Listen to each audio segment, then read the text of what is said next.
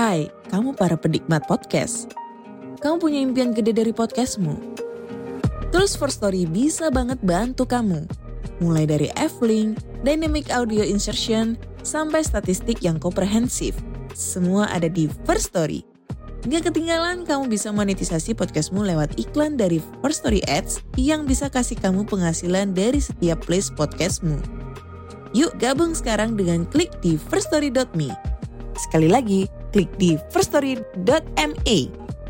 Mari kita bawa mimpi podcastingmu menjadi kenyataan.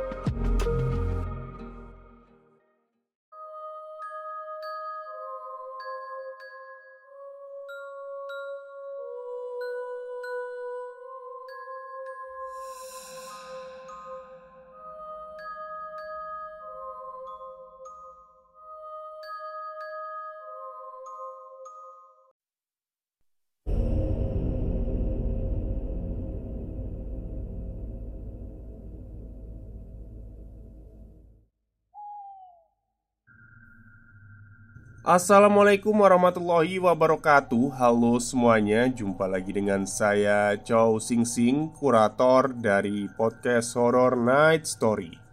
Halo apa kabar semuanya, semoga kalian semua sehat-sehat ya. Dan seperti biasanya pada hari ini saya kembali Dan akan menghadirkan sebuah kisah mistis untuk kalian semua Kisah mistis kali ini saya datangkan dari treat horornya Mas Kalong yang menceritakan uh, tentang sosok penunggu yang ada di gudang Bogor. Jadi cerita ini dari narasumbernya Mas Kalong ya. Oke daripada kita berlama-lama, mari kita simak ceritanya. Kadang kita harus dipaksa untuk menghadapi keangkeran atau keseraman tempat kerja. Kadang juga kita harus diperlihatkan oleh sosok-sosok yang mengerikan. Malam ini sebut saja namanya Tika. Dia akan menceritakan tentang seramnya pabrik tempat dia bekerja. Dan dari sini Tika yang akan bercerita. Please yang tahu tempatnya atau lokasinya jangan di-spill ya. Di sini gue mau cerita tentang pengalaman gue pas kerja di salah satu pabrik yang ada di Bogor. Jadi kantorku ini letaknya ada di kawasan Bogor, bukan di pusatnya juga, tapi masih tetap ramai lah kawasannya. Bulan September 2023, jadi kami para karyawan lagi lembur nih ceritanya. Biasalah, kalau akhir bulan pasti lembur buat bikin laporan. Jadi malam itu gue baru sadar. Gue baru aja bangun dari pingsan. Ya pingsan. Karena apa? Jadi gini ceritanya. Posisi malam itu gue lagi bikin laporan di meja kerja gue. Nah, di depan meja gue ini ada Dini, Riza, sama Melia mereka lagi ngobrolin tentang sosok hantu perempuan berambut merah. Penunggu gudang belakang. Kalau nggak salah ingat Mereka ngobrolnya itu kayak gini. Eh, kalian tahu nggak Riz, Mel Kalau di belakang gudang itu angker loh. Dini nyaris berbisik sambil badannya condong ke depan. Pandangannya menatap Riza dan Melia bergantian. Ah, Kata siapa kamu? Saud Melia, dia juga ikut berbisik. Banyak loh karyawan sini yang udah diganggu sama sosok itu. Alah, jangan sok tahu deh. Mana ada hantu di sini? Palingan cerita itu cuma dibuat-buat Buat nakut-nakutin kita. Sangkal Riza Dia kayak nggak percaya gitu. Eh, beneran tahu Gue aja pernah ditampakin sama sosok berambut merah itu pas mau ke kamar mandi. Ih, serem deh. Dini bergidik ngeri. Sosok berambut merah. Bu Hartini kepala gudang maksud lo? Saud Riza. Mereka bertiga lalu tertawa. Bukan, beda. Rambutnya itu merah tapi kayak basah gitu, basah darah. Dini memperagakan sambil menyentuh rambutnya sendiri. Cewek, kalau udah gabut dan ketemu sama partner yang sefrekuensi, gosipnya parah. Tapi mungkin mereka ada benernya juga. Masalahnya, gudang itu pernah jadi saksi bisu kalau dulunya ada karyawan yang meninggal karena dibunuh. Kepalanya dipukul sampai hancur.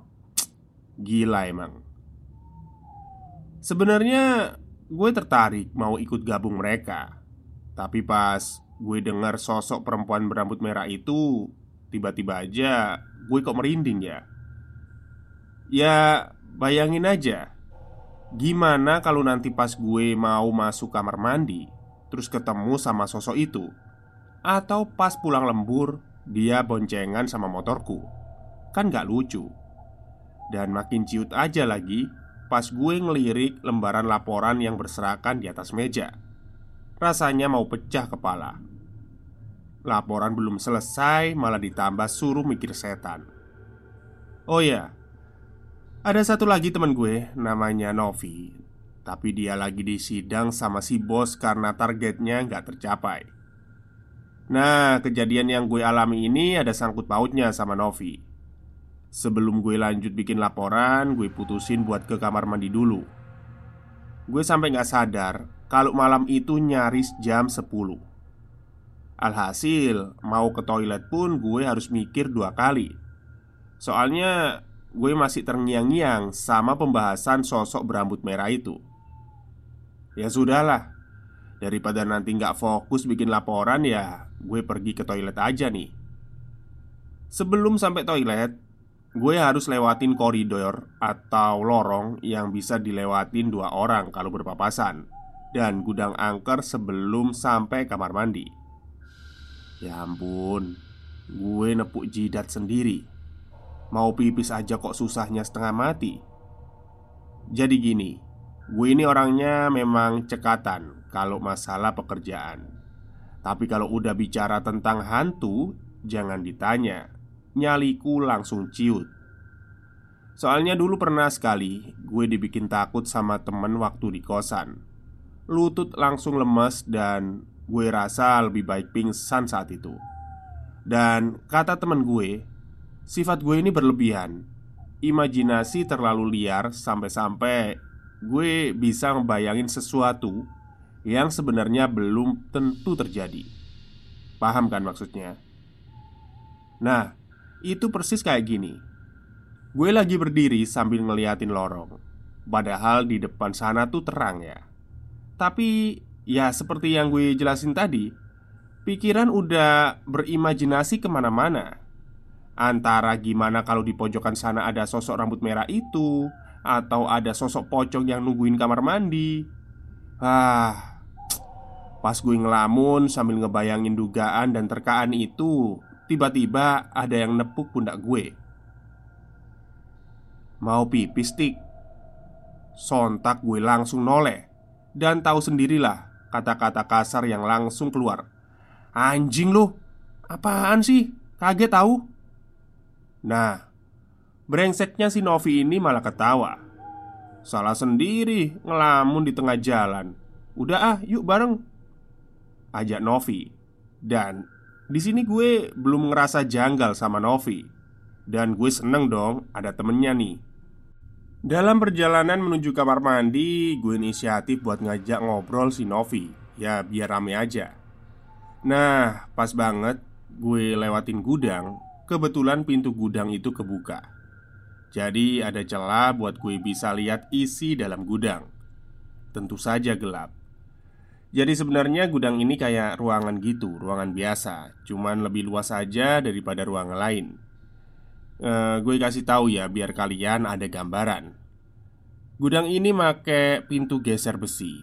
Jadi kalau pas dibuka bunyinya itu geradak-geradak.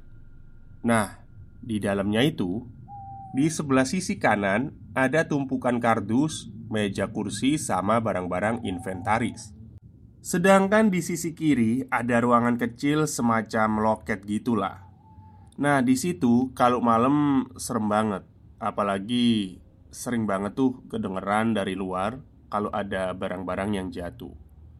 Tapi pas dibuka dan dicek, gak ada satupun barang yang jatuh. semuanya dalam kondisi normal. Pernah juga si Dini diganggu. Dia masuk ke gudang buat nyari berkas yang ada di dalam ruangan semacam loket itu. Pas dia masuk ke dalam ruangan, tiba-tiba Dini kayak dengar ada orang yang manggil. Katanya dia lihat ada Melia yang sedang berdiri membelakangi. Pas dipanggil dan disamperin, tahu nggak? Tuh kepala, kepalanya Melia ya, muter ke belakang dan setelah itu kepalanya putus, gelinding ke kaki Dini. Sontak si Dini langsung lari keluar dan siang itu heboh banget di kantor. Oke, kita balik lagi ke cerita.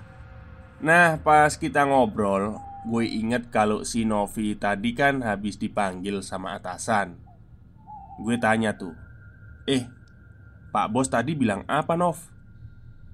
Biasa latih Target bulanan Gue ketawa kecil Emangnya target lo kurang berapa? Masih kurang banyak Kata Novi. Dan kali ini gue baru ngerasa kalau Novi itu ada yang beda. Novi kok jadi pendiam ya? Batin gue. Ah mungkin karena habis dipanggil atasan. Dia jadi agak bad mood kali. Pikiran gue sih gitu. Soalnya dia jawabnya tuh datar banget, lempeng Terus setelah kita melewati gudang masih aman. Gak ada gangguan sama sekali. Tapi ketika selesai dari kamar mandi Tepatnya baru beberapa langkah keluar dari kamar mandi Tiba-tiba si Novi ngomong gini. Eh, tapi kamu tahu nggak sih Kalau yang dibicarain sama Dini soal sosok rambut merah itu beneran ada loh? Aku langsung berhenti sambil mikir. Kamu tahu sesuatu? Maksud lo apa sih Nov? Nah ini kejadian epic banget nih Jadi pas gue nanya maksud lo apa Tiba-tiba dari arah lain terdengar jelas suara orang manggil nama gue Tik, Tika, lo di mana? Jelas banget Gue tahu suara siapa itu suara Novi dari ruangan admin Dahlah Gue nggak tahu lagi mau gimana. Gue udah coba teriak minta tolong Tapi suara gue kayak nggak keluar gitu Kayak ketahan. Mau lari nggak bisa Lutut tiba-tiba lemes gemeteran. Dan yang paling menjengkelkan Gue paksa buat pingsan nggak bisa-bisa. Gue bener-bener terpaku saat itu. Ya Allah ini aku harus gimana? Saking ketakutannya, gue baca doa sambil salah-salah. Gak lama dari itu, sosok yang berdiri di depan gue itu kepalanya muter, muter ke belakang. Dan lu tahu gak? Pas kepalanya muter itu, gue semacam kena hipnotis. Seolah-olah gue dipaksa buat lihat dia muterin kepalanya. Dan ada suara kemeratak kayak tulang patah-patah. Sosok itu lalu tersenyum ngeri sampai kedua ujung bibirnya nyaris menyentuh telinga. Dan wajahnya, masya Allah, benar-benar hancur. Kulitnya mengelupas dan daging pipinya kayak hancur gitulah. Novi yang berada dua langkah di depan gue ini bukan Novi yang gue kenal. Ya, pokoknya nakutin lah. Pelan banget sosok itu jalan ke arah gue berdiri Jalannya mundur Tapi wajahnya natap ke arah gue. Dan dia berhenti sambil bisikin gue kayak gini. Tolong carikan tubuh saya di gudang ya. Gue pasrah. Udah gak tahu lagi itu gimana rasanya. Yang jelas Gue bener-bener ketakutan setengah mati. Keringat dingin, makin lemes lutut gue kayak ngangkat beban berat banget Sampai gue bener-bener gak ingat lagi. Semuanya tiba-tiba berubah jadi gelap. Nah, gue terbangun Sudah berada di dalam ruangan admin. Dan di situ banyak banget karyawan yang mengerumuni. Gue sampai bingung sendiri Kenapa orang-orang pada ngumpul di sini? Setelah Dini, Riza, Melia, dan Novi cerita Barulah gue ingat Sampai detik ini Gue nulisnya juga masih merinding sih Kalau inget sama sosok rambut merah itu. Apalagi wajahnya yang hancur gitu. Ya, begitulah sekelumit cerita gue Bukan mau nakutin Tapi bisa aja berikutnya kalian yang merasakan pengalaman kayak gitu. Semoga kisah ini bisa menghibur para teman-teman pembaca ya. Terima kasih Oke, itulah kisah singkat dari narasumbernya Mas Kalong Yang menceritakan tentang penunggu gudang angker yang ada di Bogor. Ya serem juga ya. Kepalanya muter ke belakang Terus jalannya mundur. Tapi tadi di akhir cerita Si setan ini minta dicariin tubuhnya Apa mungkin tubuhnya dikubur di gudang itu ya? Ya ini hanya spekulasi saja sih. Oke mungkin itu saja cerita untuk hari ini. Semoga kalian semua suka. Wassalamualaikum warahmatullahi wabarakatuh